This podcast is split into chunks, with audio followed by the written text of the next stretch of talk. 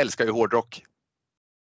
Och det är ju så att eh, idag ska vi, Kristoffer, min vän, prata om en film som jag kan ha sett en gång i tiden, men som jag inte är säker på om jag har sett. Det är alltså Salems lott eller Salems lott som vi ska diskutera idag. Har du sett Salems lott någon gång? Jag insåg att jag antagligen har sett den här för länge sedan, men eh, det var ett kärt återseende för jag kommer inte ihåg någonting.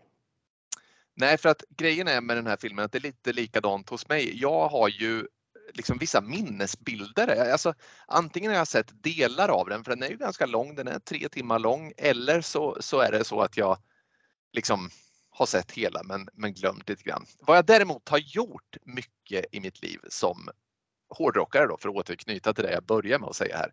Jag gillar ju Ghost, bandet, det svenska bandet från eh, vår stad här, Linköping.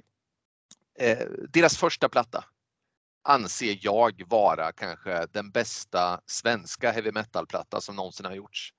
Många kommer nu kontakta mig säkert med diverse death metal-band som står högre i kurs. Kanske kommer man prata om Candlemass första plattor, kanske någon till och med kommer nämna Europe i sammanhanget eller så, men det, ni, ni har fel.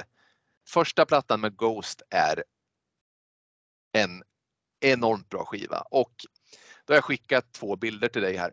En på Salem slott-postern på filmen här från 1979 och en på Opus Eponymous som första plattan av Ghost heter på framsidan där. Har vi skäl att tro att Ghost gillar skräckfilm och kanske Salem slott? Det skulle jag tro att vi har. Du brukar ju ofta dra teorin där att hårdrock och skräck går ju väldigt bra hand i hand. Mm. Så det finns väl skäl att tro.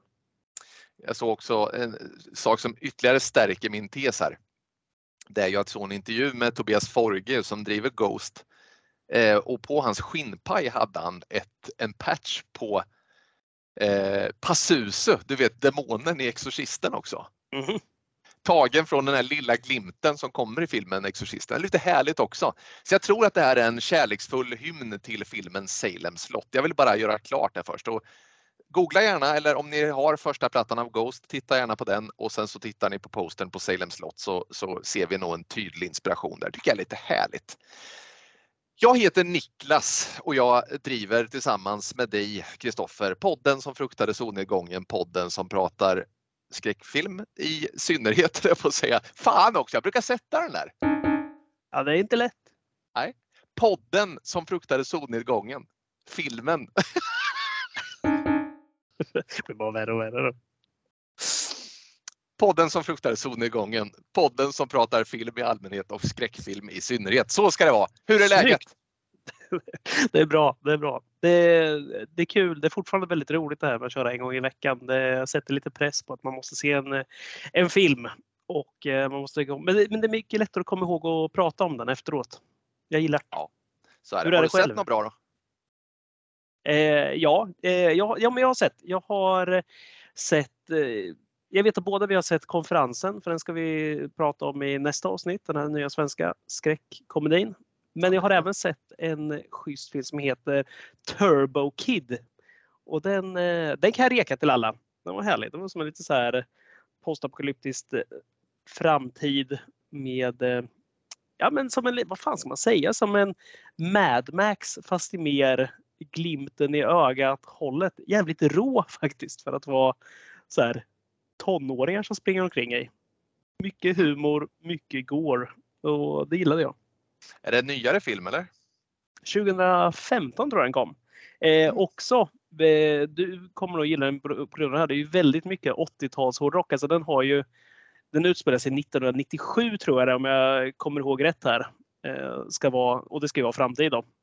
Och det de har att luta sig tillbaka till är precis som i eh, Guardians of the Galaxy. Det vill säga att eh, tonåringen i den här som eh, bor i sitt lilla skyddsrum har ju, går ut och scavengar lite så här prylar som man kan hitta från, från hur världen såg ut innan. Och han har ju givetvis en liten så här Walkman också som han eh, går omkring och lyssnar på 80-tals hårdrock i. Så det är väldigt härligt så här, soundtrack i den.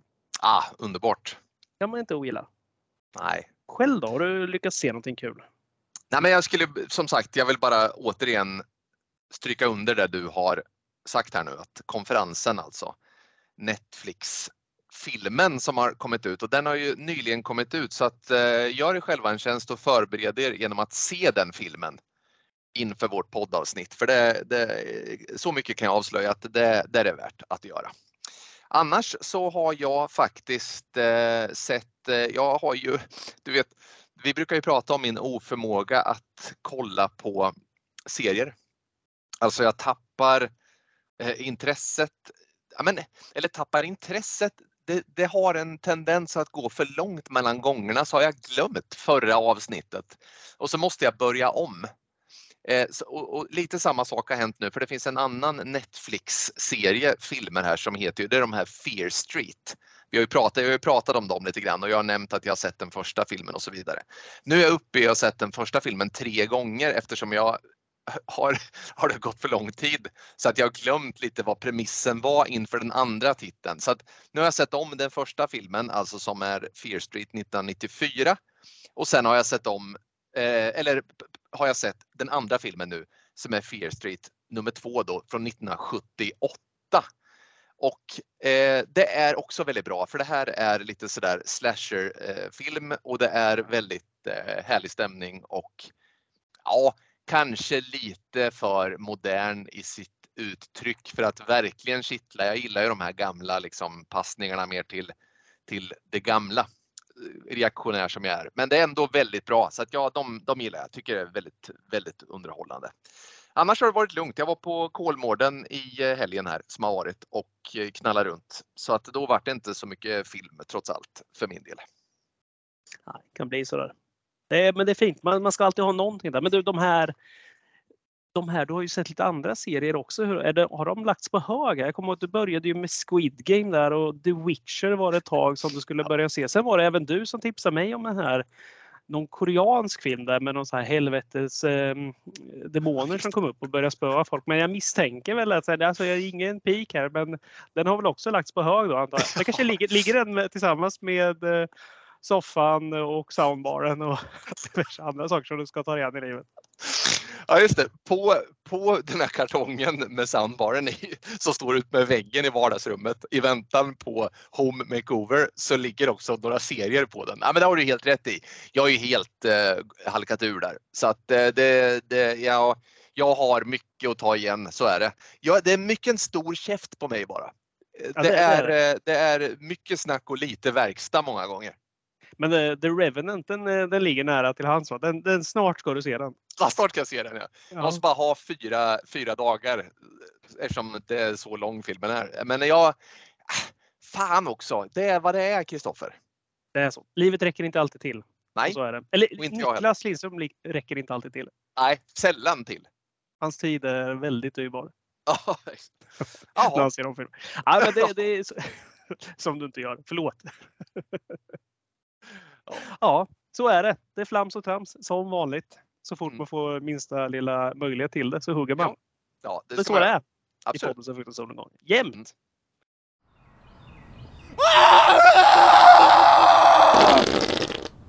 Spökskiten i dina kalsonger. Vi är podden som fruktade solnedgången. Du, vi har eh, då redan presenterat att det är Salems slott som vi mm. ska prata om av Stephen King, Staden som försvann. Jag vet att du har läst boken. Ja, jag har läst boken. Jag kan störa mig. Ibland så har jag ju noterat just från mig själv så här, när man har när man ska prata om en film som baseras på en bok som jag råkar ha läst att jag då ska hålla på och tjata om boken. Och jag tycker att det är ett jävligt jobbigt drag jag tycker att en film är en film och en bok är en bok. Man ska inte hålla på och jämföra för mycket. Det är liksom helt olika konstformer. Jag, det, jag ska hålla min käft. Jag har två bara grejer som jag vill lyfta från boken.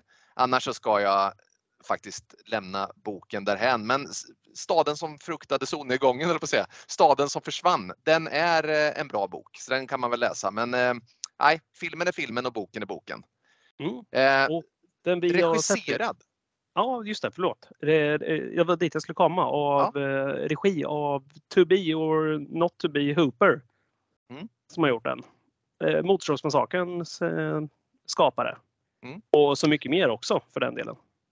Ja, det här är ju ett par år innan Poltergeist också. Eh, Mm. som, som faktiskt var, han, har ju, han hade ju några starka år här, den gode Toby, helt klart. Ja, det här är väl en tv-serie från början också som vi ska se. Alltså, eller som vi har sett nu då, alltså Salem slott där. Mm. Visst var det så att den gavs ut i en, eh, ja, men som, som många Stephen King-verk har gjort så har det ju ofta blivit en miniserie utav det. Mm. Ett, eh, jag älskar miniserier. Alltså det, jag har alltid gjort det. Jag tycker att just Stephen Kings romaner ofta är en av de som passar bäst också till det här. Vad, vad tycker du om just fenomenet miniserie? Jo, men jag, jag, jag älskar miniserier. Jag har ju precis nu nämnt att jag har svårt att, eh, att se klart. Men, men alltså det har ju ofta att göra med tiden. Alltså en miniserie är ju underbart när du ser den sammanhängande och ändå liksom kan dela upp det lite för att ofta är ju Stephen Kings böcker och historier rätt så långa. Och för att få med alla nyanser så behöver man ju i regel lite speltid. Så det tycker jag är svinbra. Det är inte bara den här utan It gjordes ju väldigt bra på 90-talet och även, rätta mig om jag har fel, men var inte eh, den här eh, Pestens tid också en miniserie? Ja, det var en långfilm på sex timmar. Det var ut. Det var, det var aldrig en miniserie eller? Jo, det var det. Förlåt. Det, Det var det, det. var, ja. det var dåligt skämt där. Ja, Det- ja fan, men det hade varit jävligt var härligt ju, ändå. var ju det var ju fan sex timmar va? Ja, det hade varit väldigt kul annars om det var sex timmar. Jag ska gå på bio då. Jag ska se, jag ska se Pestens. Det kommer hem om sex timmar älskling. Mm. Fan, det ska man börja köra. Jävlar vad mycket mer egentid man skulle ha. Kom ut och Ja. dricka lite öl istället. Vad gjorde du något? Jag såg Pestens tid två gånger. Ja, ja just det. För poddens räkning. För poddens räkning älskling. Kom man undan.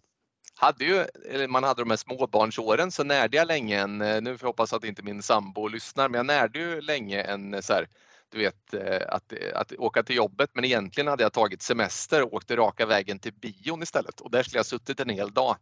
Men tyvärr så vart det ju inte någon möjlighet eftersom bion började alldeles för sent så att min, min plan kunde aldrig skrida, skrida till verket riktigt där. Men, men alltså tanken på att bara sitta en hel dag i en biofåtölj låter ju jävligt underbar, gör den inte det?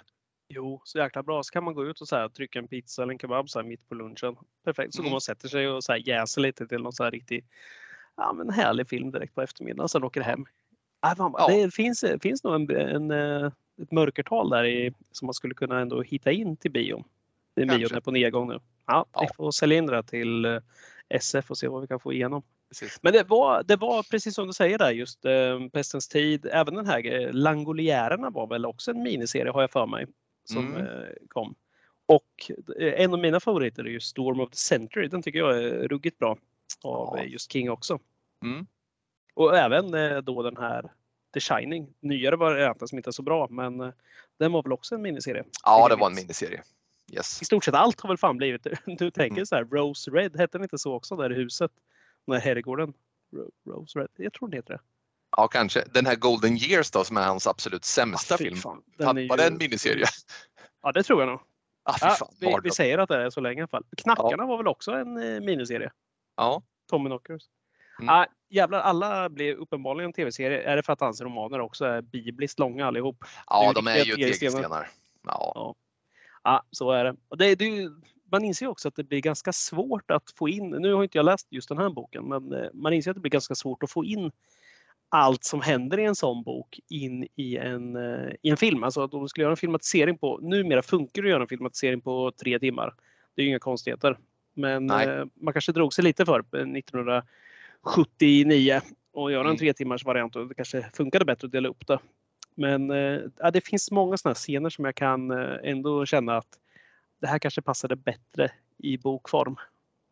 Ja, nej, men så är det ju. Och, alltså, det är ju trots allt så att eh, mycket som Stephen King har gjort har ju blivit filmatiserat på jäkligt bra sätt. Men om man ska vara helt ärlig så finns det ju lika mycket, om inte mer, som han har skrivit som har blivit fruktansvärt alltså filmatiserat. Eh, sen hade han ju en period där han faktiskt skrev sämre böcker också under en Mm. ganska lång tid vill jag mena.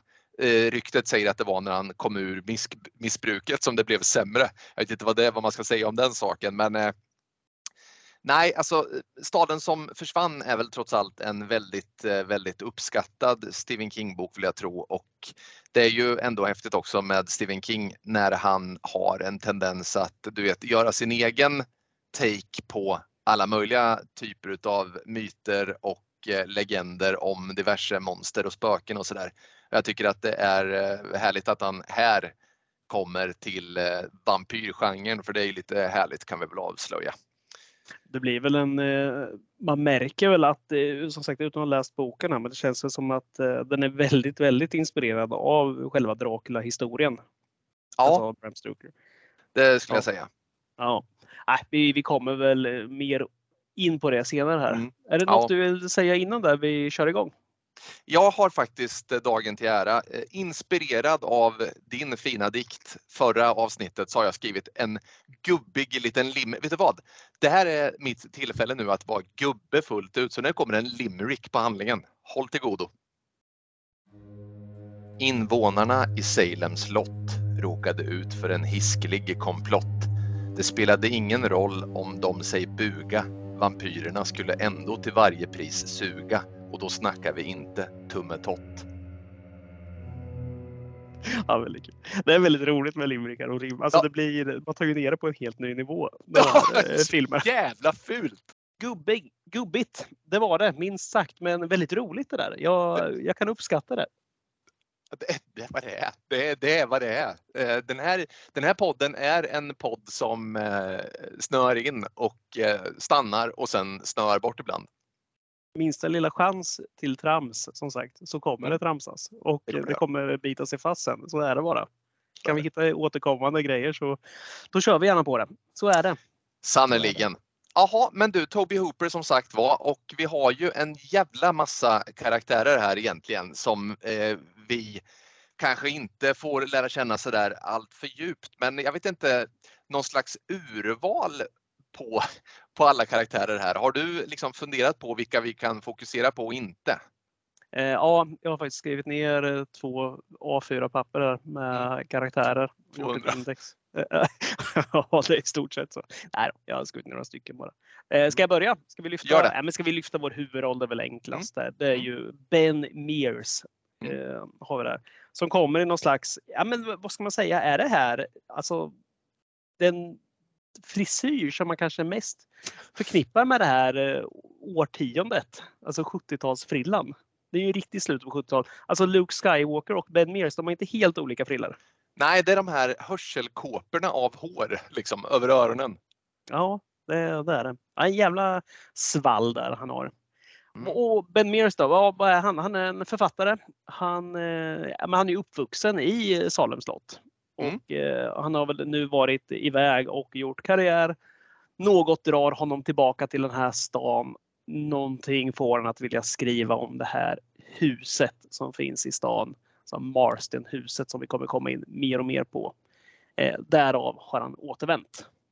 Precis. Ben Mears, så att han är författare som sagt var. Det är inte heller första gången vi ser att eh, det är en huvudperson som är författare i Stephen Kings böcker. Han har ju en tendens att, eh, att eh, göra just författare av sina huvudpersoner. Det är inte bara i den här utan det är också i Lida såklart med James Caan där som ligger Shining i sängen också. fast hos eh, den här damen. Vi har It, en av pojkarna som växer upp och blir någon form av skräckromansförfattare. Har säkert glömt någon här. Ja, The Shining har vi ju. Med Ja, såklart The Shining. Också. Ja, ännu kändare. Jack Torrance som håller på och knappar sina textrader där. Så att det är ett vanligt grepp också. det är väl lätt att skriva om det man kan. Alltså det, Mm. blir väl, det är väl så. Alltså, nu, nu avbryter man ju lite karaktärerna, men visst har King säger ju i många intervjuer att eh, det han skriver om är sånt som skrämmer honom själv. Mm. Och det är väl logiskt och väldigt bra att göra så. Och då blir det väl lättast också att skriva om jobb som man själv vet hur man utför. Alltså det, blir väl, det blir väl naturligt, antar jag. Ja, Det hade varit jävligt konstigt om vi skulle sitta, som jag skojade lite här innan om, om vi skulle ha en podd som med, handlar om folkrace. Det hade blivit väldigt märkligt att sitta och prata Ja. om bara. Så att, Ja. eh, det är skönt att eh, Stephen King inte sitter och pratar om någon som jobbar som influencer eller liknande. Nej, det hade varit väldigt eh, tråkigt faktiskt. Väldigt gubbigt också kan jag tänka mig. Stephen King vill prata om någon som ska om likes och skit så här, på sociala Ja. medier. Jävla Ja. dåligt hade det blivit. Han är ganska aktiva på det som var Twitter en gång i tiden här för mig. Ja, jag har han där. Han är ju han är inte rädd för att säga vad han tycker och tänker. Så är det ju bara. Men eh, ibland kan man ju tycka att gubbar också kan hålla sin gubbkäft stängd ibland. Allt måste man inte ha en åsikt om. Men, men, men. Så, så. Här byter man ju sida snabbt. Här. Först gillar man Stephen King, så inte sekunder efter ber man Stephen King hålla sin gubbkäft stängd också. Ja, ja så Nej, så är det bara. Så är det bara. Men du, berätta vidare. Vem har vi mer? Vi, vi har ju något kärleksintresse för, som Ben Mears också har. Du kan väl berätta lite om henne? Ja, men det är ju, han träffar ju en tjej som heter, eh, vad heter det, Susan eh, Norton. Och hon är ju, hon spelas ju av eh, John McClanes hustru. Mm. Eh, John McClane alltså, hon som är fast i skyskrapan i första filmen och fast på ett flygplan i andra filmen. Eh, henne känner man ju igen eh, ganska snabbt där. Susan som sagt var, hon träffar ju eh, Ben Mears i en park när han är där och eh, stryker runt lite och ser att hon faktiskt ligger och läser en bok av honom och eh, intresse uppstår ganska snabbt dem emellan. Vilken jäkla slump det där är att hon ligger och läser mm. just den där boken också. Mm. Det får mig att fundera lite på, de nämner det väl lite, att, men han är ju inte någon så här skitliten författare i den här filmen utan han är väl ganska så, eh, så känd ändå. Ja, ja, men vi får väl utgå från att han är ganska stor. Jag ja. tänker alltid på såna här, de där mötena som uppstår så här, du vet, när någon ligger och läser en bok. Jag, jag, jag, börjar ofta garva när man läser så här. Jag vet att både du och jag, vi är inga större fan av LinkedIn eller såna här ehm, alltså klubbar för inbördes beundran. Nej. Utan jag, jag skrattar ju ofta väldigt högt när någon postar ett inlägg och skriver till exempel så här överhörde några som stod och duschade som pratade om det här bla bla bla och sen kommer det upp att de har stått och pratat om den här personens företag om hur bra man är. Så man pratar om sig själv i tredje person och hyllar ja. sig själv. Ja, jag spyr på sånt. Och jag, jag, jag, tycker det blir väldigt kul i filmer då när någon som sagt ligger och läser någons bok så här, och någon ska glida fram också och börja kommentera det. Det blir väldigt kul. Men, ja, det, lite, lite, den, ja, lite den feelingen där. Ja. Det är väldigt mycket sån feeling. Ja, men hon är väl, eh, hon är också dotter till eh, en annan karaktär vi måste ta upp också då. För det har mm. vi Dr. Bill Norton. Mm. Som är stans, ja vad är han? Ja, men, han är doktorn i stan. Ja, han är läkaren helt enkelt. Ja, han fyller ju också någon slags funktion i denna film. Ja, men det ska man säga, åter till Susan kort där bara att det här är ju en stad som är en ganska välmående liten puttrande gullig stad. Och det är ju så att eh, det verkar liksom som att eh, ja, men folk blir kvar lite i den här staden. Det är liksom, man får väl känslan av att generellt sett, nu har vi nämnt eh, doktorn här då, men även Susan har ju dragit ett varv till New York vet man, de har försökt göra lite karriär och tvingats tillbaka när hon blev av med sitt jobb och, och hårda finansiella tider så där. Men i övrigt så får man väl nästan känslan av att den här liksom, staden är en stad där man blir kvar och där utbildningsnivån generellt sett är ganska låg. Eh, och det är faktiskt den första grejen som jag bara vill av två där jag, som jag sa att jag skulle göra jämförelsen med boken för att i boken så är det här en mer eh, förtappad stad det är betydligt mycket mer. Nu händer det ju skit här också uppenbarligen eh, då och då.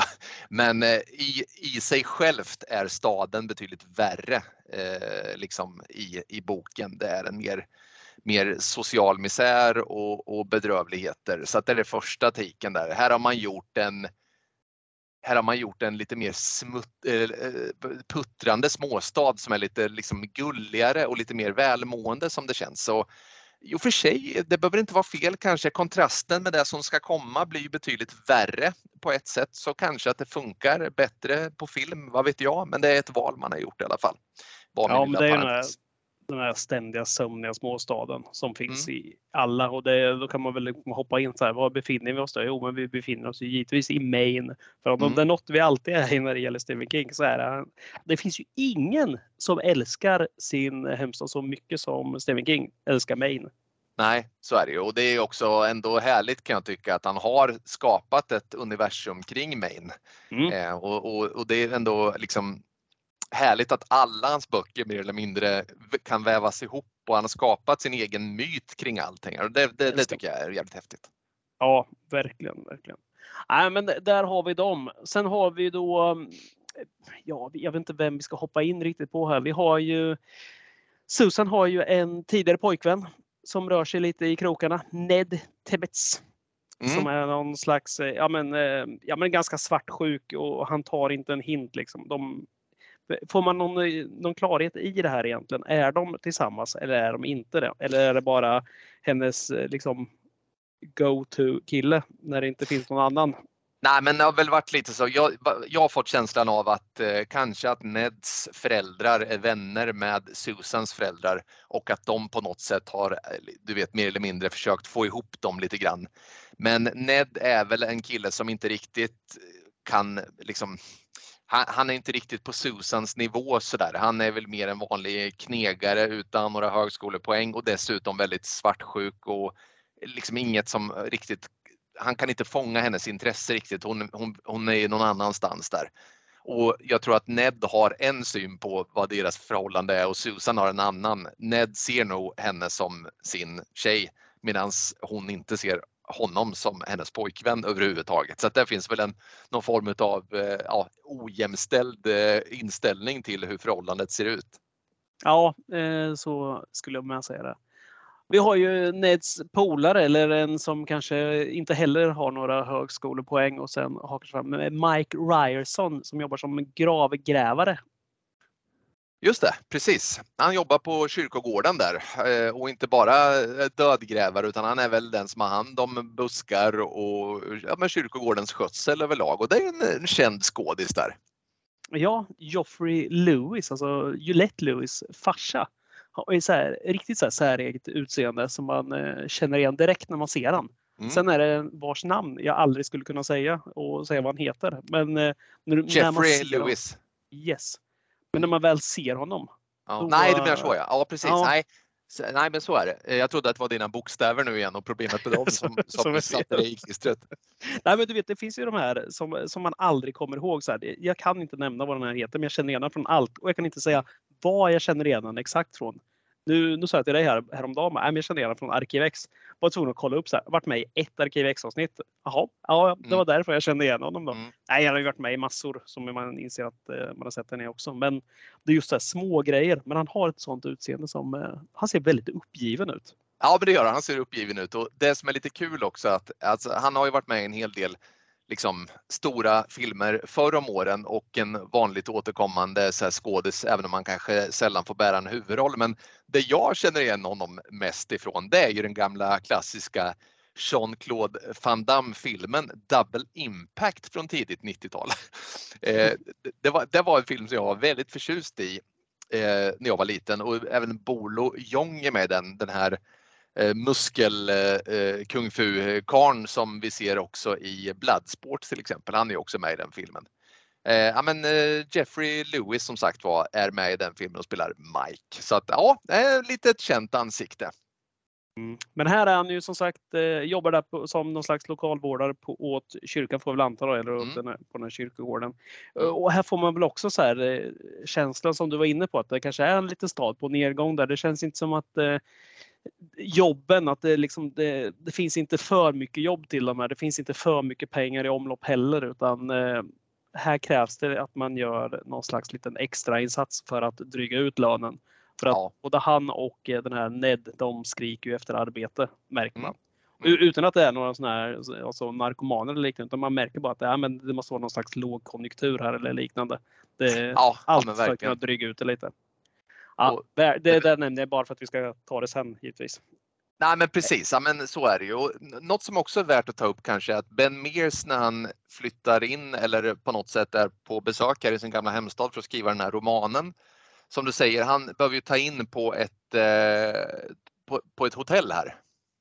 Och eh, det här hotellet då drivs ju, nu, visst är det så att han är hotell eller är han markägare till det här Marstenhuset? Eller jag tänker på det här par, vänslande paret du vet. Ja, vi har ju Larry Crockett där. Alltså mm. det, vi bara, känn på det namnet så här lite, lägg det på tungan där. Finns det något mer så här korrupt namn? Larry mm. Crockett. Det låter som någon så här oljeoligark i Dallas här, som gjorde skumraskaffärer. Och han ja, jobbar precis. som mäklare. Det är det Ja men verkligen, du, ja, men verkligen och, och, du kan ju verkligen se framför dig att du så här, ja men nu köper jag mitt drömhus här som ser kanon ut men alla dolda fel som Larry Crockett inte har berättat om, de eh, finns där. Ja, ja men det gör han. Han har ju det här, ja, men han har det här skärmiga leendet liksom. Men det är så jävla ulv det där, det vet man ju. Mm. Ja, men Ja. han har vi. Och han, eh, ja, men som du var inne på, han vänstrar ju tillsammans med sin eh, ja, mäklarassistent kan vi väl kalla henne där. Eh, Bonnie. Mm. Sawyer. Mm. Ja, och de, eh, ja, men de har det här. Och det är de, eh, han, han försöker ju hjälpa Ben Mears med att hitta det här huset. Då, för Ben Mears vill ju ha det här Marston-huset men det är upptaget får vi veta och då vill han ha något hus i närheten. Så Mm. han hjälper honom där och då blir det ett hotell till slut som man får ta in på. Visst. Och den här Bonnie, vill bara stanna där. Vi nämnde ju Lucien Clark här i tidigare avsnitt. Hon är ju också känd, lite äldre då såklart, men hon är ju, var ju med i Lucien Clark som Sally där kommer jag ihåg. Jaha, fan vad du sitter med sådana där grejer. Jag nej, känner inte igen Jo. alls. Ja, Lucien Clark var jag väldigt förtjust i. Eh, så att eh, nej, men det var ju eh, så att de är med. Och sen, alltså det är ju väldigt många små figurer. Det är det som är lite svårt med den här filmen, att veta lite vad vi ska, vart vi ska dra gränsen. För att det är ju väldigt många karaktärer som presenteras faktiskt. Men du kan ta, vi har några grabbar där också. Ta dem bara. Så är vi, sen tror jag vi är kvitt de flesta innan vi kan ta hotet egentligen. Kanske eller Mm. andra. Tänker du på Bonnies eh, kar till exempel eller? Ja, jag tänker på ett gäng grabbar. Jag tänker på familjen Glick kanske till och med. Ja, okej, vi, ja, vi kör på det. här. Eh, ja, men precis. Det finns ju en eh, Glick-familj som sagt var, där de två sönerna hänger mycket ihop med pojken i en annan familj. Eh, vad heter de? De heter Ralphie Glick och Danny Glick. Just det. Och Ralphie och Danny, det är väl egentligen det första, eh, vi får säga att det, liksom är en äldre son och en yngre son. Och eh, när de är på väg hem ifrån sin kompis till sin familj så, så kommer de inte hem. Och det är ju nästan den första här incidenten i staden eh, som vi får veta att eh, folk har försvunnit lite då och då, men det här blir det första fokuset för oss som tittare på att de inte når hemmet. De är på väg genom skogen, en mörk gestalt kommer och någonting händer. Mm. Ja, men exakt. Och det är den en av pojkarna som blir kvar där, alltså inte brorsan är ju den här andra Mark Petri tror jag han heter. Just det, det var han jag sökte efter. Yes. Eh, så de har vi. Men eh, precis som du var inne på också, vi har ju Bonnies eh, kar. Nu kommer jag inte ihåg vad han heter för någonting. Kommer Han heter Cully Sawyer. Ja. Och han anar ugglor i mossen. Mm. Konstant. Men en ganska Ja. trevlig kille. Kör, eh, kör långtradare. Ja visst. Han är Mycket, ju mycket. som sagt var, han, det är ju, som sagt det är mycket karaktärer, mycket rörigt nu, men det är Sally ihop med honom och hon vänstras med den här mäklaren Crockett och eh, eh, den här Kalle, han, han börjar, börjar så sakteliga eh, misstänka någonting. Så att eh, där finns det ett litet svartsjukedrama också. Men jag tror ändå på något sätt att vi, vi, vi måste, för att på något sätt sy ihop det här så måste vi börja rikta in oss mot eh, det som faktiskt hotar staden. För att eh, folk försvinner, någonting händer och eh, i det här Marstenhuset som Ben Mears ska skriva sin bok om för att det har hänt fruktansvärda saker där i hans ungdom. I det huset har det flyttat in ett par herrar får vi veta. Ja, men exakt. Eh, ja, det här huset. Det kommer ju ett par eller ett, alltså, två kompanjoner då som driver någon slags, vad är det för något? Det är någon här antikfirma. Får Ja. väl eh, anta att det är. Eh, där har vi ju James Mason, alltså kanske den mest eh, kända skådisen i den här filmen. Mm. Otroligt bra som spelar då en karaktär som heter Richard Straker. Mm. Och Richard Straker, det finns mycket att säga om honom då, men eh, han är ju den som köpt Marstonhuset, får vi veta. Mm. Allting, all kommunikation med det här, det här kompanjonparet går via Straker. Det är bara Straker vi ser. Det finns liksom ingen annan. Eh, han är en engelsman som har åkt över till eh, jänkarna. Han klär sig otroligt propert där. Fin kostym. För det här är ju, han sticker ju verkligen ut med det här. Han kommer där i sin hatt, sin fina kostym och käpp. I den här lilla sömniga stan där annars eh, blåstället kanske är det finaste du har. Mm. Det känns lite så. Mm. Också en sån här snubbe som man, alltså Straker där, vid första anblicken tar man ju honom för en gentleman. Alltså han har ju verkligen ordets gåva där. Men ju mer vi lär känna honom så märker vi kanske att han hur han på ett verbalt sätt och uttrycker sig rätt överlägset och nedlåtande mot eh, allt och alla i den här staden. Han är ju så här, lite sådär sarkastiskt eh, svin på många sätt, den här, eh, den här Straker, får man säga. Ja, han är ju en jävla sprätt är han. Mm. Det är han verkligen. och när han går omkring där liksom. Ja, ja, man gillar ju Straker. Jag gör det. Jag tycker han är härlig. Ja, men han är härlig. Han är ju faktiskt väldigt, väldigt härlig och han är ju också en person som som som sagt var den andra kompanjonen som man får veta, veta är någon form av chef eller överhuvud till Straker. Han ser vi ju i stort sett aldrig. Men det är Straker på något sätt som stryker runt och eh, driver som sagt den här antikshoppen som, som de öppnar i staden där de ändå anser att amen, vad, liksom, vad finns det för marknad här? Folk har inga pengar så varför ska de köpa så här gamla föremål för hur mycket pengar som helst? Men en sån, en sån butik öppnar de upp. Eh, och där får mina tankar att gå till den här Köplust också. eh, Där vi Mm. också har en så här antikhandel med lite skumrask som öppnar i en stad. Ja, men exakt. Ja, men så är det verkligen. Det är också det perfekta, alltså förklädnaden för det som komma skall också ha den här lilla butiken. Och eh, ja, men de, de står ju lite över, all, över alla andra i den här stan. Alltså det är de sista man skulle misstänka för så barnarov och dylikt känns Mm. det som. Mm. Det, de är för fina för det här. Hans kompanjon då? För det, det, vi måste väl nämna honom vid namn också. Mm, mm, Kurt Barlow. mm. Så, och, och, och där, han ser vi inte mycket av. Han är väl med egentligen i två scener, men och jag, jag tycker väl att liksom på något sätt så här för att presentera hotet här också så, så är det ju det är ju, det är ju vampyrer, det kan vi ju säga, eh, som, har, som har kommit in i den här stan. Vi vet dock inte om Straker, han verkar liksom inte vara eh, han, jag skulle inte vilja säga, vad är det han heter, Draculas eh, hjälpreda där som kommer en filmatisering om. Ja, men vad bra att du säger det, för jag, vad Ja. jag tänkte också på Renfield. Jag tänker Ja, på han det. direkt där. Mm. Även om han känns som en mycket mer förtryckt karaktär som liksom, du vet, har tappat vettet och, och springer runt och bara försöker blidka så känns ju Straker som en ganska cynisk och eh, intelligent eh, medhjälpare till den här Kurt Barlow. Mm. Ja, så är det verkligen. Nej, men eh, kul att du sa det. Verkligen eh, Renfield inspirerad. Och det, men det känner man, hela den här resan som görs här. Eh, för vi får ju se en, en last anlända till Salem. Mm. eller Salem slott, och, eh, som sen ska skeppas iväg då, eller köras iväg till det här Marstonhuset. Hela den resan blir ju väldigt lik, vad heter filmen nu? Last Voyage of the Demeter heter den va? Med Ja, Demeter, säger man Demeter kanske? Ja. ja, Nej, men själva Dracula-resan, alltid när den här kistan ska förflyttas över Atlanten Ja. på skeppet. Alltså det är exakt samma grej fast det här Mm. är i en lastbil istället. För övrigt en otroligt härlig scen i filmen. Får jag hoppa dit redan nu kanske? Ja, ja, herregud. Den eh, för ju fi- filmen framåt för att den anländer ju och eh, som sagt Kurt Barlow ska ju komma någon gång. Det är ju det enda eh, de frågar vet, Straker om hela tiden. När kommer Kurt? När kommer han? och det är alltid så här, men han kommer när han kommer och han gör sina affärer i Europa. Men nu anländer den här kistan. Bla bla bla. Och det är här vi får både den här Ned Tebbets, alltså eh, före detta pojkvännen och vi har den här gravgrävaren. De får ju uppdraget att köra den här, den här kistan eller den här stora lådan till Marstonhuset. Ja. Och den är ju iskall. Den är ju iskall. Den är ju fruktansvärt kall. Ja, det är så jävla kallt så att de sitter och fryser i lastbilen liksom, när de eh, kör den där eh, kistan, vilket är lite coolt ju.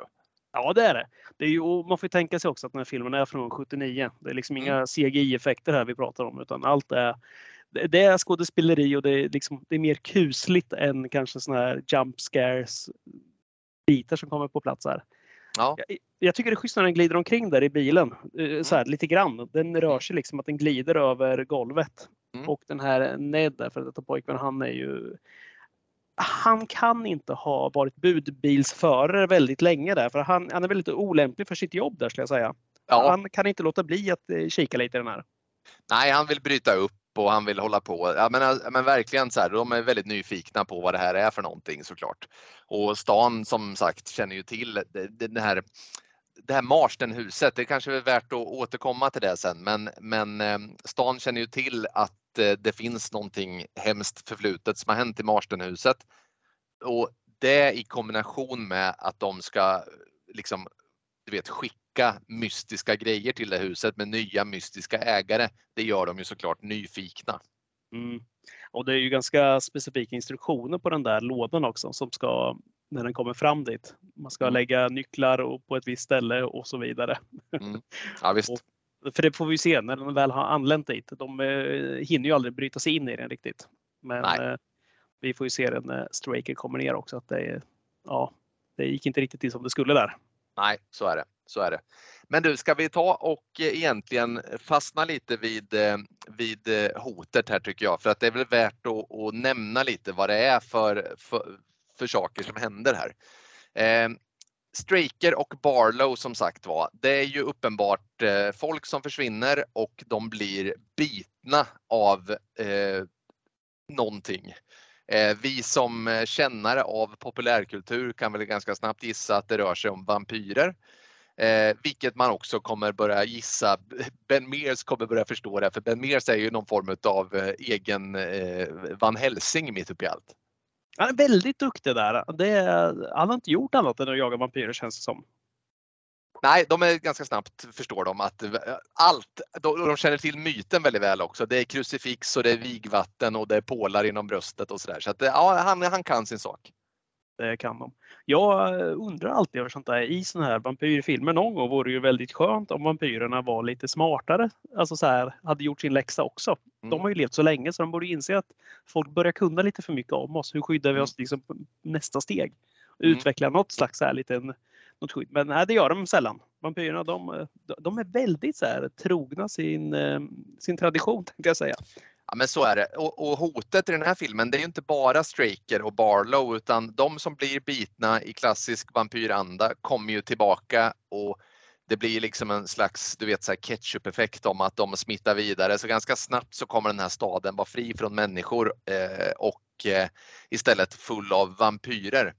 Och där måste jag säga, det är lite coolt ändå att i filmen här så, så faller de tillbaka mycket på det här vampyrmytoset att en vampyr kan inte komma in i ditt hus om den inte blir inbjuden.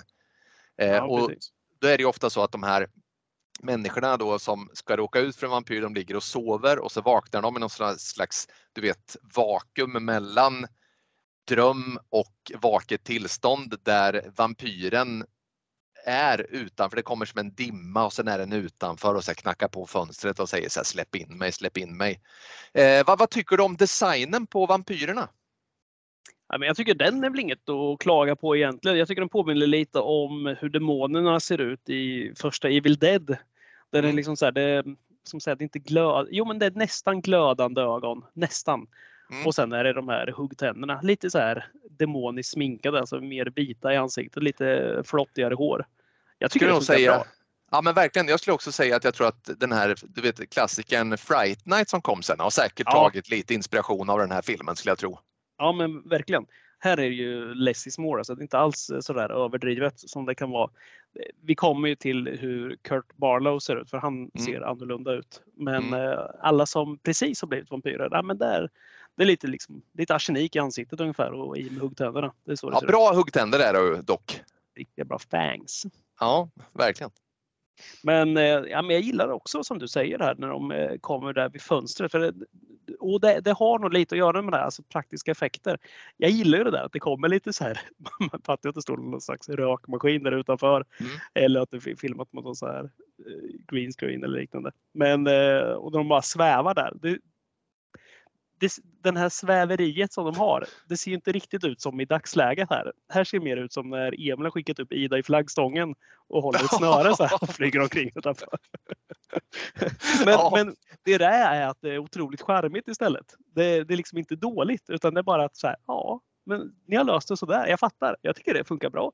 Ja, fast jag, alltså all heder till det. Det, det, brukar, det kan inte vi säga för många gånger i den här podden. Hellre det på något sätt. Att, att de har ändå liksom, ja men du vet, det blir klippt och klistras lite och det, ja, men det är faktiskt, vet du vad? Det är inte alls olikt Ida i flaggstången. Nej, det är ju inte det.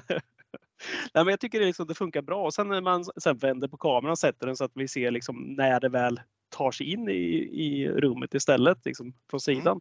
Och Ja. röken tränger in. Jag tycker det är snyggt alltså, när dimman eh, glider in. Det är absolut inget att klaga på där. Då, då tycker jag det, det som är värre där, om jag ska klaga på någonting, det är att jag tycker att det är själva vampyrattacken i den här filmen. Där har vi lite att önska.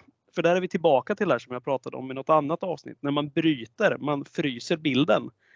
Och i det här fallet gör vi det precis när varje, när hugget ska komma. Vi är ju så vana vid att de sätter tänderna i halsen på sina offer. Mm. Det har vi Mm. sett i varenda vampyrfilm. Här får vi ju aldrig se det tror jag till och med. Utan det är liksom de, precis när de ska sjunka in, då, då blir det någon så här konstig zoom-effekt och sen fryser bilden. Och det, det är bara så här, ja, det här, det här tyckte jag kunde nog göras lite bättre. Alltså bara få det att se rädd ut. Få det som i Psycho, bara hoppa till, så filma inte.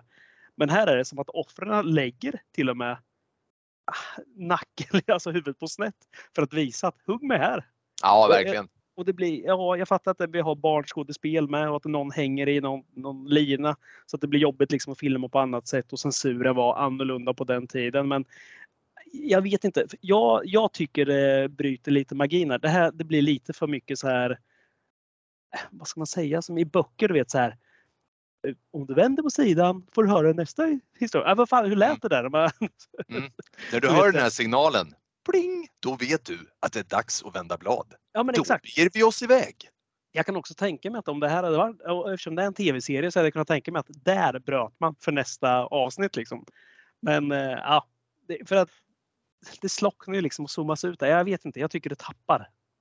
Får jag bara, du är ju rätt bra på att aktivera eh, referenser hos mig. Eh, och jag måste bara få ta upp, du vet, du vet just de här berättelserna man hade skivor om att vända blad eller om det var band till och med så hade man en liten bok och sådär. Mm.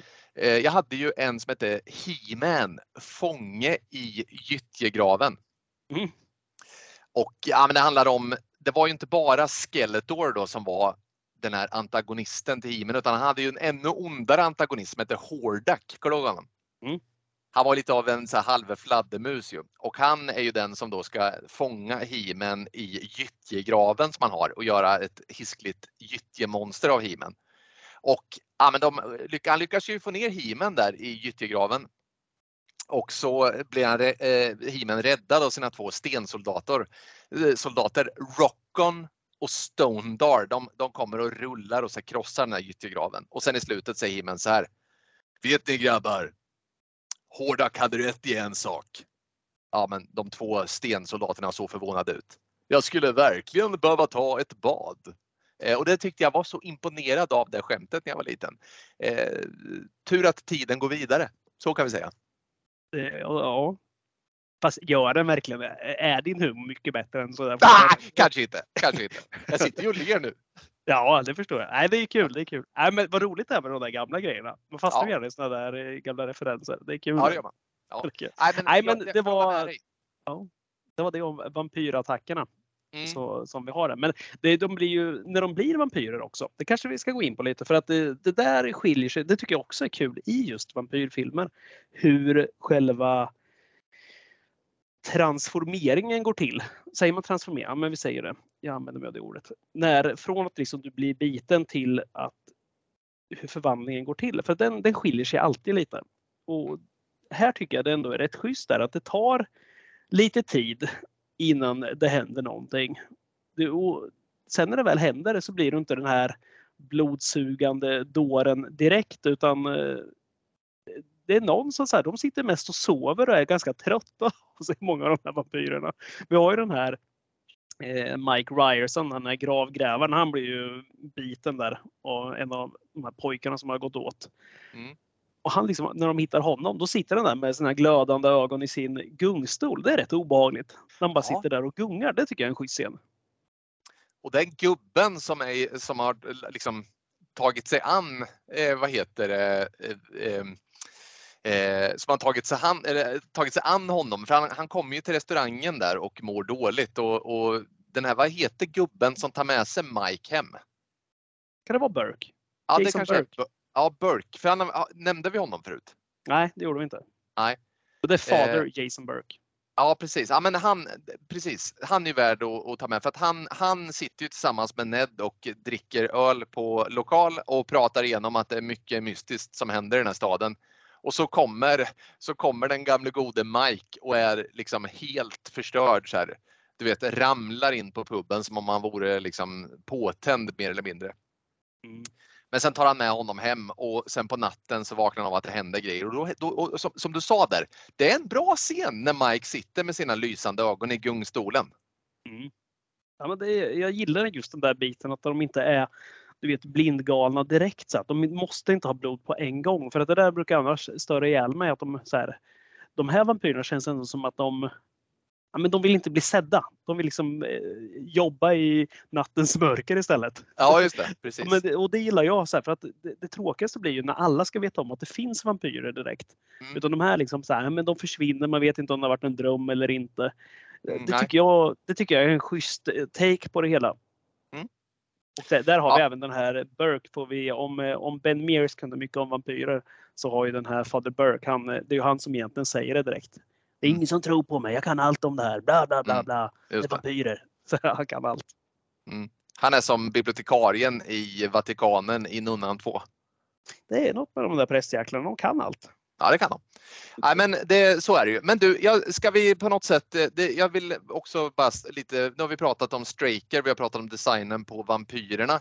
Men vi behöver också prata om familjeöverhuvudet, höll jag på att säga, Kurt Barlow.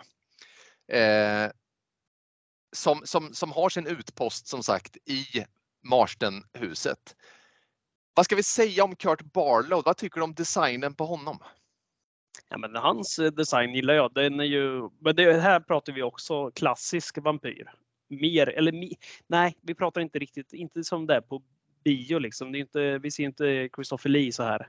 Utan här snackar vi mer eh, långt gången aids-sjuk vampyr. Om man får eh, vara politiskt inkorrekt att säga så.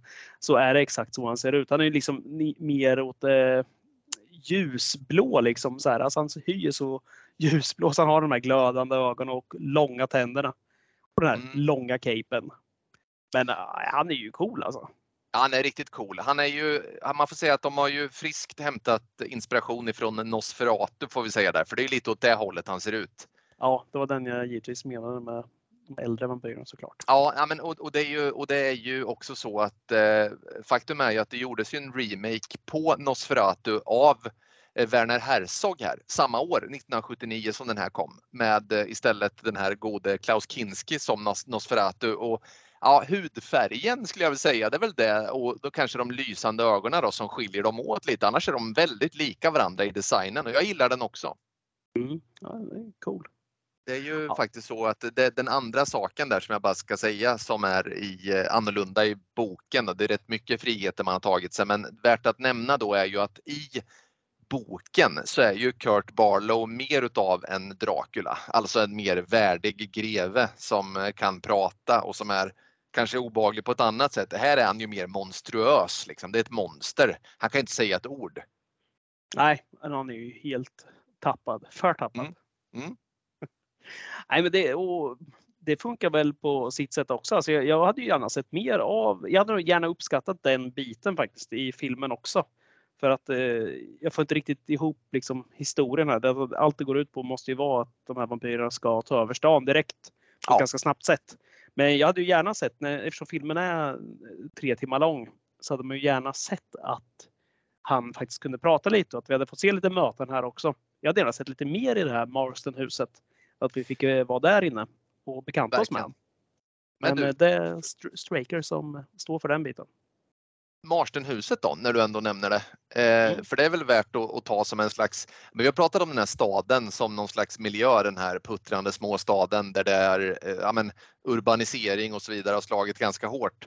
Marsdenhuset är ju värt att nämna. Marsdenhuset som då har en, en, ett mytos i både film och bok jag säga. Så att det, det finns en historia där man har upplevt eh, hemskheter i Marstenhuset. Det är en person som har bott där tidigare som sägs ha mördat sin familj då. Eh, och, och, och, det, och, och där eh, är det ju en eh, Ja, men hela stan känner till det här Marstenhuset och, och det har stått hyfsat orört där genom alla år. Vad tycker du om designen på Marstenhuset? Ja, men det är ju ett stort, Stephen King är ju duktig på det där med hus också. För det, där, alltså det, det är som hotellet i The Shining. Det fyller ju en väldigt stor funktion i filmen och i filmatiseringarna. Och jag tycker det här huset gör sig, alltså det gör sig så extremt bra. Det blir ju också väldigt skrämmande att veta att det här är en person som ska bo i det här huset. Redan där Mm. blir det ju rätt obehagligt för att det är ju ett enormt hus. Det är ju inget litet skithus vi pratar om. Nej, verkligen torn, inte. två torn till och med tror jag, eller ett torn på det i alla fall sån en enorm källare liksom och det står mitt uppe, ja, men halvvägs upp på ett berg i alla fall, en bit utanför centrum. Det, det coola är ju också att man, kanske inte hela huset, men de byggde ju faktiskt eh, delar av det här huset till den här filmen. Och det, det sånt gillar man ju också, att det inte bara är du vet, någon sån här trickfilmat, eh, eller att man har hittat något ödehus någonstans utan de har faktiskt du vet, byggt, byggt delar av den här entrén och allting, vilket är jävligt coolt. Ja, men där och jag kan ju inte låta bli att liksom tänka att det blir Ja, men som vi ändå är inne på att den hämtar mycket liknelse från Dracula så känns det inte helt otippat att det här skulle vara liksom eh, slottet i Transylvanien liksom. Att det är där eh, det här huset ska liknas också. För det är inte så mm. att Kurt Barlow har flyttat in i en liten eh, knarkarkvart liksom i, i Hallonbergen direkt. Han, han ska ju ha en redig residens en bit ifrån liksom. Han kan se ner på stan. För det är ja, så det blir faktiskt att han ser ju ner mot staden och kan se allt vad som händer. Så att, nej, men det, absolut, jag tycker det är ett riktigt schysst hus där. Och det, det görs ju väldigt bra också det här med, med tornen och får det lite så att det ser gammalt ut. Jag tycker hela historien de säljer in det med Hubby tror jag han hette som hade det innan. Hubby Marston. Som, eh, för det är ju Marston-huset vi pratar om. Och Hubby Marston är ju beryktad då för att ha varit någon, eh, ja, men, som i alla filmer, en child molester. Det är det alltid man hör. Liksom. Ska man sätta ett vidrigt epitet på någon så är det ju att säga att någon är en child molester. Det kan ju inte vara något värre. Det äckligaste du kan vara. Ja, men precis. Det är ju därför Ben Mears är så besatt av det här huset egentligen när jag mm. pratade om i början där, att något drar honom tillbaka så är det ju för att när han var liten så hade han ju på något så här, ja men något bus, något så här, eh, fan säger man såna något vad så har han liksom förlorat och behövt gå in i det här huset. Och där Precis. har han ju då sett den här Hubby Marstens spöke säger han. Men när han beskriver det så förstår vi väl ganska snabbt att det är att han har sett honom hänga där som en vampyr. Just det. Och det där blir ja, men... lite så här ställd av, nu vet jag inte riktigt hur det är där. Det kanske är en annan grej i, eh, i boken. Är Hubby Marsten och eh, Kurt Barlow samma? Nej, det vill jag inte hävda att de är. Utan eh, Barlow kommer in betydligt senare där. Mm. Och bilden jag har ifrån boken, eh, om jag minns rätt, det är att eh, han hänger där men att det är liket han ser fast han är nerplockad så länge så att det har en mer spöklig dimension liksom. Okej, okay, så att eh, Marston är egentligen, han är ingen vampyr utan han är kanske ett offer eller att han, har, eh, att han är en mördare där som har tagit livet av sig eller hängt ah, sig där. Ja, men jag, du vet, så som jag minns det, alltså vad heter han, Stephen King pratar ju ofta om the thin places, alltså mm. de här platserna eh, där Ja, alltså andevärlden eh, har en tendens att eh, krypa igenom in i vår värld lite oftare. Mm. Marstens hus är ett sån eh, the thin place, alltså där det spökar där. Eh, och känslan man har från boken är snarare att Marsten har drabbats av någon ond kraft i det huset som har fått honom att göra det han gör och att det, huset i sig självt är ondskefullt. Ja men exakt. Ja, för han råkar ju ut för i stort sett samma som Jack Torrance råkar ut för i The ja. Shining där. Han har ju ihjäl sitt, du kommer inte ihåg om det är barn eller barnet och sin fru där. Och sen ska mm. han väl ha tagit livet av sig själv då. Ja precis. Ja, så att det är nog snarare där. Ja, men det är fair enough. Det, mm. det blir bra. Det, men det är ju en jävla bra plott för att göra, skapa ett spökhus i vilket fall. Ja, så är det verkligen. Eh, nej men verkligen. Ja, men, och, och, och, som sagt, designen är jäkligt schysst där. Men jag skulle faktiskt bara vilja sådär också komma för att vägarna leder till Marstenhuset. Den stora uppgörelsen kommer ju hållas i Marstenhuset såklart. Och, och det här är ju vid en tid då till och med polismästaren har lämnat stan. Eh, alltså, de drar. De som lever fortfarande, de drar för att staden är på väg under. Och eh, det är inte många personer kvar utan det är Ben Mears, det är Susan och det är den här grabben som var vän med de här Glickbröderna. Som egentligen är kvar det är de som beger sig till det här huset för att eh, köra en eh, sista uppgörelse. Och där stöter de på Straker och det där är ju en ganska rolig så här, fight mot slutet. Va, vad säger du om när Straker visar sina powers? Vad säger du om det? Men Straker har ju lite så här, det där blir jag inte riktigt klok på heller för att eh, jag tänker ju att Straker är en, eh, en vanlig man egentligen. Alltså Mm. som bara kuvad under inflytande av Barlow. Men uppenbarligen har ju Straker powers också. Dels tål han ju några fruktansvärt många kulor i sig. Mm. Eh, men han kan ju också, åter, han kan ju också tämja naturens... Ja, men, han kan ju skapa en vind bland annat när eh, den här pojken försvinner. Och i här, den här fighten också så är han ju rätt stark och allting. Men, eh, Han är väldigt ja. stark. Ja, han är väldigt stark. Nej, men jag, jag gillar det. Jag, jag tycker det är en schysst fight. Jag, jag gillar ju Straker. Ja, men jag måste också säga det för att det, vi kommer ju till Kurt Barlow där. Man tänker väl när man ser den här filmen att okej, om Straker är sådär mäktig, vänta tills vi får se Barlow. Men faktum är att det känns ju som att Barlow är Strakers djur bara mer eller mindre, fast Straker kallar honom för master. För är det någon som står för the powers så är det ju just Straker och ingen annan. Ja, det känns väl liksom att, eh, nu, har jag säkert helt fel i det här, men att Barlow har liksom, han har ju pikat för många år sedan. Och då måste ha visat sina krafter och nu är på rejäl eh, eh, dekadens, liksom, att han är på väg neråt totalt här. För att Ja, det, det här kan ju inte vara Barlow in, in his prime. nej precis. Det, alltså, som sagt, Straker har ju säkert fått hjälp med att behålla livslågan längre än normalt. För det känns ju som att Barlow, han har ju, han har ju jäckat världen sedan tidernas begynnelse känns det ju som. Ja, och, och han måste ha satt skräck i Straker på något sätt där, tänker man. Mm. Nej, men, eh, nej, men jag gillar det där när de eh, går in där. Det är ju alltid härligt och så där blir det ju också i alla King-berättelser. Att de eh, är inte i är inte i It när de ska in liksom i kloakerna liksom, eller, och, och ta hand om Pennywise så är det in i det här huset. Liksom. Jag, jag älskar den uppgörelsen som alltid sker och i den miljön den alltid ska utspela sig. Där, han är mästerlig där. Mm. Ja, det måste jag också säga. Det är, ju, det är underbart att vägarna, precis som du säger, oundvikligen leder till det här Marstenhuset. Det är, det är bra. Ja, det, och det är, alltså gör man den läxan tycker jag och liksom bygger upp en bra miljö för det, då blir Mm. det jävligt kul. Det blir, mycket, det blir jävligt snyggt. Mm. Det, det som jag pratar med, nu, helt konstig liknelse kanske, men det som i Bondfilmer, det de alltid gör jävligt bra är att hitta en schysst miljö. Det är inte bara eh, en shootout på ett köpcentra liksom mitt bland folk, utan man slåss på ett, på ett väl planerat och bra ställe. Den sista Ja. fighten ska alltid äga rum på ett riktigt häftigt ställe. Och Visst. så är det i Stephen King-böckerna också, eller i filmatiseringarna.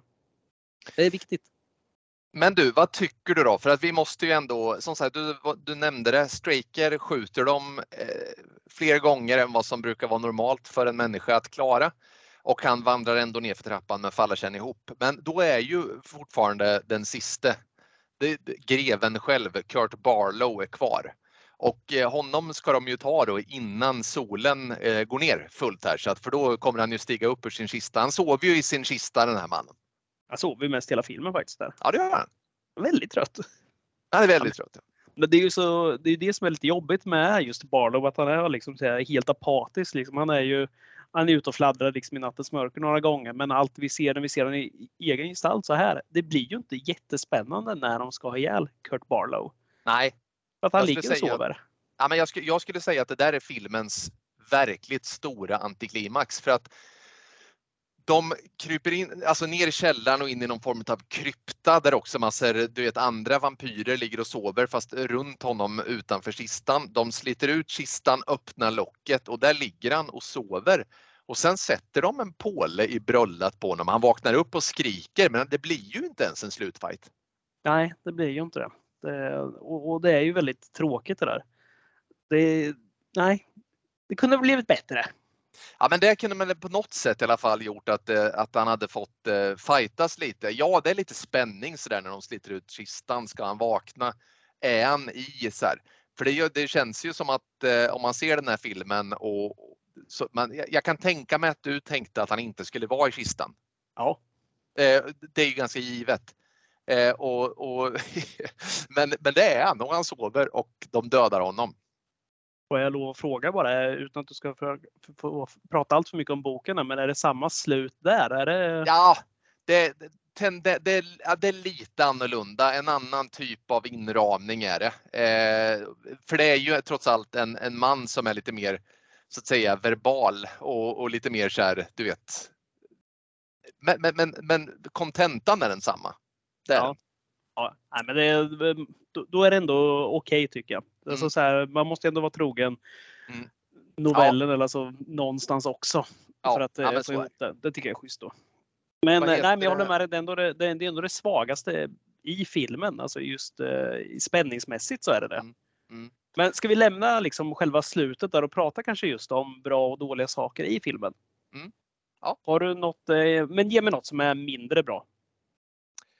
Ehm, nej men, jag kan tycka att eh, när man har så mycket karaktärer, vilket man ofrånkomligen har i Stephen King-böcker, eh, så kan jag väl tycka att är det någonting man skulle kunna göra eh, i en filmatisering är att kanske stryka ett par stycken eh, för att man vill kunna ha tid att presentera alla. Eh, nu blir det att vi slängs in i en handling med en jävla massa karaktärer som gör en jävla massa saker men du får liksom inte riktigt någon grund till det hela eh, utan det är bara så här ytliga snuddanden hela tiden. Då kan jag tycka att man hade kunnat centrera handlingen mer kring ett fåtal. Även fast det inte är så, så i boken så hade man kunnat optimera det till filmen. Eh, och det tycker jag väl är någonting som genomsyrar den här filmen generellt och, och det kan jag tycka är en sån sak som är lite sådär beige egentligen. Eh, och, och, och jag kan tycka att eh, om man nu ändå har så pass mycket speltid på sig så hade man också kunnat liksom, du vet, ja men om vi tar det här otrohetsdramat då som vi pratade om. Alltså, det, vad, kan, du- kan du förklara för mig funktionen i den här filmen? Det är ändå, de lägger ju lite tid på det och kontentan blir att han kommer på dem och eh, misshandlar sin kvinna som sen är fogad med blåtira vid hans sida. Så här. Vad, är det för, vad är det för jävla presentation? Liksom? Nej, alltså hela den biten fyller ju ingen funktion, själva den här otrohetsaffären. Det enda Mm. den, eh, det det ska knytas ihop till är ju att Mm. den här Larry Crockett då, alltså Mm. han som är den som vänstrar med henne, att Mm. han blir eh, biten av en vampyr. Mm. När han eh, blir iväg, eh, Mm. ja, ivägkörd av hennes äkta make. Då. Det, Ja. det är ju det som är själva poängen med hela. Mm. Att han Mm. lämnar och att eh, man tror att nej, men man tror hela tiden att äkta make ska döda honom. Men det gör Mm. han inte utan blir dödad av en vampyr istället. Ja visst. Men det där är ju en sån sak som passar betydligt bättre i en bok. För där, då vill du ju lära känna de här karaktärerna, lära känna stan. Så här, ja, men jag fattar att det puttrar lite här, att det inte är perfekt eh, så som det kanske ser ut eh, från utsidan, utan det finns lite skit här och där. Ja, men då köper jag det mer. Plus att vi lär känna karaktären på ett annat sätt. Man måste liksom fylla ut en bok med, med lite små karaktärer och sånt. Eh, för de är ju förknippade med den här familjen på ett eller annat sätt också. Ja, visst. Men i filmen så är det bara hafsigt. Och ja, jag fattar att man har en miniserie och att man måste dryga ut det. Liksom det de har väl något krav på sig att det skulle vara tre timmar exakt för tre avsnitt eller två. Och då blir det att Mm. man måste kanske göra så här. Men Ja, nej, det. Det, fyller nada funktionen där. Jag håller helt med dig. Jag satt bara och tänkte så här. Jaha, jaha. Jag var helt inställd på att den här äkta maken där, att han skulle liksom vara den som åkte dit och blev en vampyr på något sätt. Ja, men jag känner så också att det skulle kunna vara en eh, liksom en, en jag menar att det brukar ju vara så att liksom saker och ting som presenteras i en film får en förklaring och utnyttjas senare i filmen. Det är ju en ganska så här, klassiskt grepp i film eh, generellt, men, men där är vi ju inte riktigt här utan eh, det, det, är liksom, det är det jag menar. Det presenteras massa saker som sen är eh, liksom Ja, det, det, jag vet inte fan, det, det, det, det utnyttjas inte. Det känns så lite konstiga val liksom. Ja, onödigt eh, håller jag med om. Jag, jag störde mig också lite på den här, eller störde och störde. Nu, som sagt, den är från 79, man måste komma ihåg det. Men när eh, den här dödgrävaren hittar sin hund där, den har ju eh, sprungit iväg. Mm. Jag fokuserar ju ofta på de här sönderslagna hundar som du vet. Ja, det gillar du. Mm. Illa. Nej, men hur... Om du hade fått designa en död hund, hade det inte varit lättare att bara ta en stillbild på den här hunden när den låg ner och sen Mm. försökt få ögonen att vara stängda eller se lite död ut? Kommer du ihåg hur den här döda hunden ser ut? Eh, är den, Nej, alltså, Den är fruktansvärt ful. Alltså den är så ful så att jag spyr. Den är... ja, just när han hittar eh, sin Ja. eh, döda hund. Ah, jag kommer inte riktigt ihåg hur det var presenterat. Nej, det var, nej, han bara i ett dike och där ligger den och det ser ut som en, så här, en stickad docka eller någonting som man har gjort i slöjden när man var fyra. Och, ja, det ser bedrövligt ut. Mm. Men, men det är ju en skitsak. Alltså det, jag fattar poängen med att han hittar den. Jag hade kanske gjort det på ett annat sätt. Det hade räckt Mm. med en sån här, bara titta ner i ett dike och säga herregud och sen hade det kunnat klippa. Så hade jag varit nöjd. Men nej, jag, jag, nej det gillade jag inte. Ah, Men annars, jag jag, jag måste säga att den bästa scenen i hela den här, jag tycker nästan det är, som jag har varit inne på det innan där, men hela Barlows låda anländer till stan och sen ska fraktas till huset. Det tycker jag är den bästa scenen. Hela den Mm. eh, färden. Den tycker jag är härlig. Och för Ja. där tycker jag ändå det fyller någon funktion det här med att den här Ned Tebbet då, den här eh, svartsjuka pojkvännen, att han är sån här som inte kan, ja, man kan inte hålla sig liksom inom så här, "Ja, men du ska göra ett jobb bara. Ja, men, ja, jag måste öppna och kolla vad det är för någonting. Jag, måste, jag kan liksom inte vara seriös med det här enkla uppdraget heller. Då Mm. förklarar det ändå lite tycker jag att han är en dålig pojkvän. Du vet, så här. Alltså, då kan jag ändå köpa det att han är, han är så usel på alla sätt och vis. Han är bara sämst. Ja, men verkligen, verkligen. Nej, men det, jag håller med dig. Men vad, slutet då? För att som sagt, det som är lite som får den här filmen att leva vidare även efter att vampyrerna här är besegrade. Det är ju att de blir någon slags eh, par på flykt som sagt. Vad, vad, tycker du om hur det är liksom när de drar från stan sen? Det är ju. Det är ju Ned, eller förlåt, vad heter han nu igen? Eh, Ben och Mark. ben, inte Ned, Ben såklart och pojken. Mark. Vad, vad tycker du om liksom, att de ger sig iväg och har bara varann sen? Ja, men det är ju så filmen börjar egentligen. Vi, får ju, vi möter ju dem i en, en, tillba- eller en, i en framåtblick får man väl kalla det. Där Mm. de är i Guatemala tror jag det om jag Mm. kommer ihåg rätt. När de står liksom och tittar på en flaska vigvatten och den börjar lysa och de säger They found us again. Mm. Så, och det är ju vedertaget, det vet ju alla. Är det så att vampyrer i närheten då, då lyser vigvattnet. Ja, ja, är det så i mytoset eller? eller Så är det. Alltså, frå- du kan fråga Ben Mears, du kan fråga här fadern, Burke. Alla kommer säga att det är så Niklas. Det, är- det här är jävla ifrågasättandet du har ibland. Alltså, jag blir vansinnig på det. Kan du inte bara Ja. acceptera att det är så här? Nej, jag ber om ursäkt. Förlåt. Ja, ja tack, tack. Nej, det, det är som du säger. Det är, det är en väldigt rolig grej att det är, helt plötsligt har vi vigvatten som börjar lysa. Alltså det känns inte den väldigt så off? Alltså det känns så felplacerat på något sätt. För det har Mm. inte varit något sånt innan i filmen. Nej, men verkligen inte. Ja, nej, alltså, det, det får väl inte riktigt någon förklaring heller känns det som.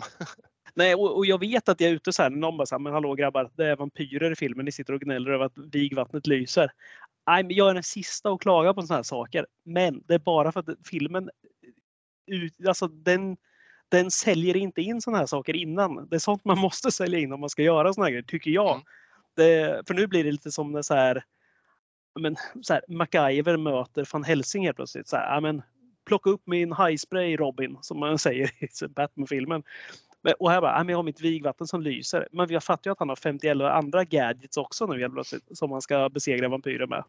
Ja, ja ben, visst. ben Mears vi lär känna i den här filmen. Jag ser inte honom som Van Helsing. Jag ser honom som en eh, som ett barn som har varit med om något traumatiskt och nu liksom måste bara lösa det här. det. Ja, göra Ja. upp med sitt förflutna. Sen Mm. är det fine. Mm. Det här, ah, om det finns vampyrer, nej jag sticker, jag drar till en ö och lever livet nu och bara Ja, ja, men verkligen. slippa undan. För det känns också, varför ska de här vampyrerna efter dem? Mm. Nej, det, det är ju helt ologiskt. De här vampyrerna skulle ju ta över en stad nu helt plötsligt. Det är det här, jag, jag gillar inte slut, eller jag, jag vill ha ett endgame när man vet liksom vad är planen här. Har vampyrerna tagit över hela världen nu så att det sista som är kvar är en liten håla i uh, Guatemala liksom?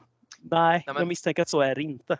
Nej, men så är det ju. Men, men de gör ju ändå så här tydligt att det är just förökningen de vill åt. Mm. Eh, vampyrerna, att de verkligen vill ta över hela. Vilket låter dumt. Alltså, hade jag varit vampyr, alltså, de, eller kommer du ihåg det? De presenterar så här hur snabbt den här Mm. Hur, hur snabbt de kommer sprida sig liksom via att de blir fler och fler. Så här. Hade jag varit vampyr så hade jag ju passat mig för att eh, skapa för många andra vampyrer för, som slåss om samma mat. Är du med? För människorna Mm. sen, vi kommer svälta ihjäl liksom. Ja.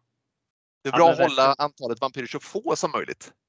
Ja, ja, verkligen. Och sen verkar det bli någon grej också för att det vi har är vi spoilar väl den biten också här. Mm. I slutet när vi är i det här Marston-huset så Mm. försvinner ju hon Susan. Hon blir biten. Och Mm. eh, hon försvinner ju där. De ska ju försöka rädda henne men hon försvinner. Och när de är sen i Guatemala då så dyker hon upp igen. Mm. Och det blir någon slags så här Ben Mears, ja men han, han får väl någon slags Ja, men han får något så här Lambertsblick, något så här kåtslag. Så han börjar ju titta på henne när hon ligger där och sover. Liksom. Och så, så, Mm. Istället för att liksom så här undra hur hon kom hit så ja, då, då är han där med mun och tunga liksom och ska börja väcka liv i henne. Jag, jag hade ju blivit lite undrande så här hur min älskade tog sig halva jorden runt där och la sig i min säng när hon har varit Mm. försvunnen så länge. Men Ben Mears, han bryr sig inte. Han är där med mun och tunga som sagt och ska kolla. Och då tittar hon upp med den här ja, aids-sjuka blicken som Barlow hade också. Och eh, så ska hon ju bita honom. Ja, men det, blir, det blir bara så här. Ja, men vad fan. Så, eh, nu fattar jag. jag. Och jag köper om det är så att vampyrerna har någon så här dragningskraft som gör att du inte, liksom inte kan tänka rationellt längre. Nej, Men Ben, du har ju varit med i filmen nu. Nu har du ju varit med och vet allt om vampyrer. Du är ju insåld som någon som faktiskt vet om allting. visst. Är det den här manliga förbannelsen liksom över att eh, vi inte kan eh, rå för oss så, fort en vacker kvinna kommer i närheten? Nej, vi det är väl så. Kan är inte väl så. tänka klart. Nej. Eller om Ja. man vill finta henne för att kunna döda henne lite snabbt. Ja, det gjorde han ju här också. Ja, Ja, ja precis. bra. eh, Fast jag hade nog huggit henne då när hon sov istället. Istället för att Ja, vara där och, precis. och fiska Ja. med min tunga istället. Det Jävligt kunde ju äckligt. varit så att de inte var smittad. Ja, fast det är Ah, också ett ganska tråkigt sätt att vakna upp med att någon stoppar tungan igen. Ja, ja, det är Nej, klart. den, det där blir bakläxa på. Så gör man inte. Nej, det är väl så. Jag, jag vet att eh, Richard Straker, som den gentleman han är, han hade aldrig gjort så där i alla fall. Nej. Nej. Han hade sagt något sarkastiskt om hennes nattsärk istället. det hade han gjort. Ja, men eh, hade du några sådana här eh, riktigt bra grejer i filmen då? Som du tyckte var så här, men det här var för jävla coolt och häftigt. Jag gillar ju, eh, ja men vi har ju snuddat vid mycket av det. Jag gillar ju faktiskt designen på vampyrerna.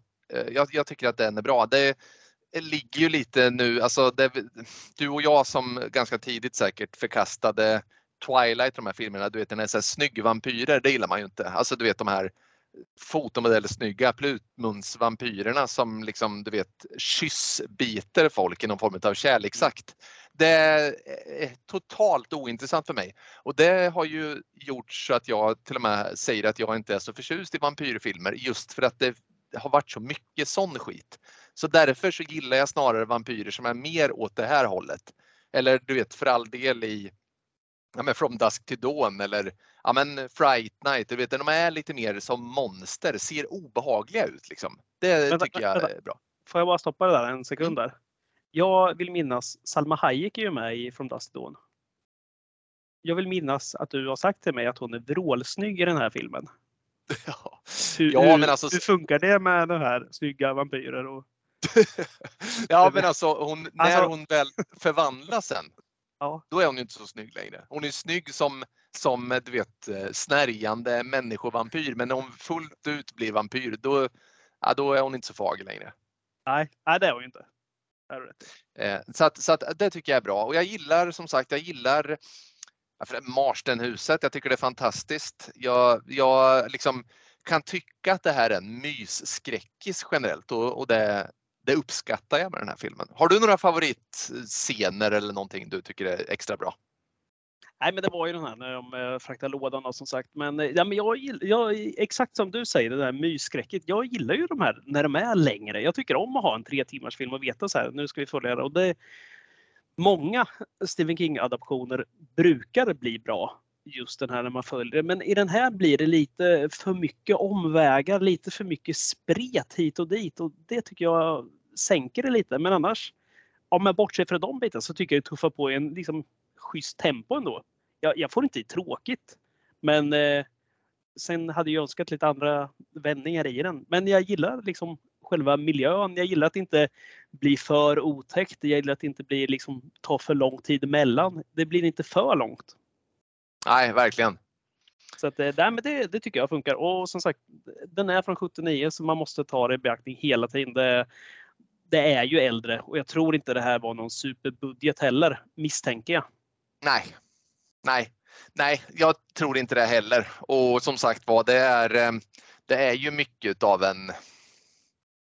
Ja, men det känns som en så här gammal förutom skräckelementen så hade det kunnat vara du vet någon så här hem till byn film på sätt och vis också. För det känns lite så i stämningen. Ja, verkligen. Nej, men ska vi landa i något betyg då? Vill du börja med något? Ja, ja men jag Alltså som sagt var, jag, jag, tycker att det här är en trevlig film som man absolut ska se om man gillar mysskräckisar eh, som sagt var, om man gillar du vet så här gamla hedliga skräckfilmer som kanske inte innehåller så mycket så här våld och blod utan mer det här lite småruggiga. Eh, absolut en film för dig i så fall. Jag uppskattar eh, att eh, filmen är på, från 70-talet. Jag gillar ju den typen av eh, bild och jag gillar den typen av upplägg så det är egentligen allt. Jag kan säga så här, jag vill ge den här filmen 4 av 5. Men det räcker inte riktigt till dit för att det är lite för mycket lösryckta delar som, som får ta lite för stor del av handlingen men som inte sen spelar någon roll för den vidare upplevelsen i filmen utan det blir, det blir, liksom, det blir lite smårörigt, lite för bräckligt, lite för svajiga ben. Ja men tre av fem ger jag, men jag ger mina varmaste rekommendationer ändå. Man måste ha sett den här filmen kan jag tycka. Mm. Nej, men jag är lite inne på det du säger också. Där. Jag, jag tycker det här är en eh, perfekt film att slå på. Eh, om du har har du något slags skräckintresse i dig och du känner liksom för att jag vill faktiskt inte se det nyaste bara utan jag vill se det lite äldre också och kan tänka ge en sån här film chansen. När man säger äldre nu och säger 79, det är inte för att man är uppvuxen och tycker allt är gammalt som är äldre än 90 utan jag menar bara att det, det, det märks verkligen att det här är äldre. Det är därför. Eh, så tycker jag det här är en sån här perfekt film att slå på. Skicka iväg ungarna under en dag, skicka ut frugan också och sen bara lägg dig i soffan. Gärna, gärna kanske lite, lite, lite bakis kan jag tänka mig. Perfekt där, som är lite så här, lite mystrött bara och slå på mm. den här filmen. Det är perfekt att bara låta stå och puttra på tvn och se allt i ett svep där. Gör inte som jag gjorde och se den i två, två bitar för det förstör. Det här är en sån där film, man ska se det från början till slut, gå i mål och sen, eh, sen skaka hand med dig själv, ge dig en klapp på axeln. Jag tog mig igenom det, här. det var mysigt. Mm. Är det en film jag kommer komma ihåg jättebra efteråt? Nej, för det är precis som du säger. Den är för spretig. Det är för mycket som händer runt omkring. Men den får tiden att gå, den fyller sin funktion. Man har inte tråkigt under tiden. Men kan, jag kan inte heller ge den en fyra för att det är, som jag brukar säga, jag, jag får ingen jättekänsla efteråt. Så jag, jag, får inte säga Yes! Där fick de dö på vampyren. Åh, gud vad spännande det var i slutet. Jag får aldrig det där klimaxet någonsin till någonting i den här. Jag, jag, tycker inte det blir tillräckligt spännande. Jag tycker inte det blir roligt någonsin. Och jag tycker inte att liksom dialogen är liksom inte något som jag hänger i granen heller. Det finns inget som sticker ut någonsin i den åt något håll. Den är helt enkelt Nej. bara mysig. Det är en perfekt, tre, det är en perfekt trefilm. Det är det. Och jag, jag, tror att jag någonstans hade, alltså anledningen till att jag ändå känner en liten sådär besvikelse att jag i mitt huvud hade målat upp den här filmen som betydligt bättre än sitt rykte. Att jag ville vara en av dem som skulle skydda den här filmen ifrån eh, onda röster om att den var lite bräcklig sådär. Men tyvärr alltså, den, men, men se den för guds skull och speciellt om man gillar vampyrfilmer då, då är den ett måste rent av skulle jag säga. Ja, och 3 av 5 är inte dåligt på något sätt. Alltså 3 av 5 är ju bra tycker jag. Ett bra betyg på en skräckfilm. Jag ser ju, man ser för mycket film som är betydligt sämre än det här. Det, nu låter man negativ, men det är ofta för att alltså, har man skrivit så mycket böcker som King har gjort, har man sett så mycket filmatisering av King-grejer, då förväntar man sig ofta liksom ett, ja men, lite mer kanske, eller mm. lite mindre. För att, mm. Och då blir det så här, ja, man, man fastnar i någon slags in, ingenmansland där, liksom, 3 av 5. Mm. Ja, så att, och, och det, är liksom, det är inte dåligt. Nej, så är det ju. Så är det ju verkligen. Nej, eh, härligt, härligt. Det var Salems eh, lott helt enkelt då. Men du, vi kan väl säga så här. Vi, vi, har väl sagt att vi egentligen ska sluta säga vilken film vi ska se nästa vecka för att det kanske mm. blir någon. Det är kul för alla tittare, men vi måste kanske nästan flagga för det här för att den går ju på Netflix nu, alltså konferensen. Mm. Den svenska nya skräckkomedin. Och vi är ju ganska dåliga på att se en ny film i denna podd. Ibland mm. springer vi iväg på bio och ser något som vi vill podda om. Men nu kan vi ändå säga att det här blir ju nästa veckas film som vi kommer att prata om. Ja, och som sagt var, jag vet inte, liksom, de som lyssnar på oss vet ju att vi spoilar alla filmer och konferensen rekommenderas att man ser eftersom den är så pass ny och att den är tillgänglig på Netflix som säkert de allra flesta har ett konto på. Så se den och följ med oss i nästa avsnitt när vi diskuterar den filmen. Det gör man rätt i. Och eh, ja, vill man kolla mer? Vi finns ju på Instagram, podden som fruktade solnedgången och på Facebook podden som fruktade solnedgången. In, skriv något fult, skriv något ni önskar, skriv något som är fruktansvärt dåligt med den här podden också om ni tycker det. Så kommer vi svara gråtandes och säga att så är det inte. Men, så är det inte. Du behöver inte vara taskig. Nej, fan var inte taskiga för det tycker vi är tråkigt. Nej precis, det är så onödigt att vara taskig. Det är så mycket skit i världen här så var schyssta men, men ja, eller fortsätt bara lyssna. Det är vi så glada för. Vi ses i nattens mörker hur som helst.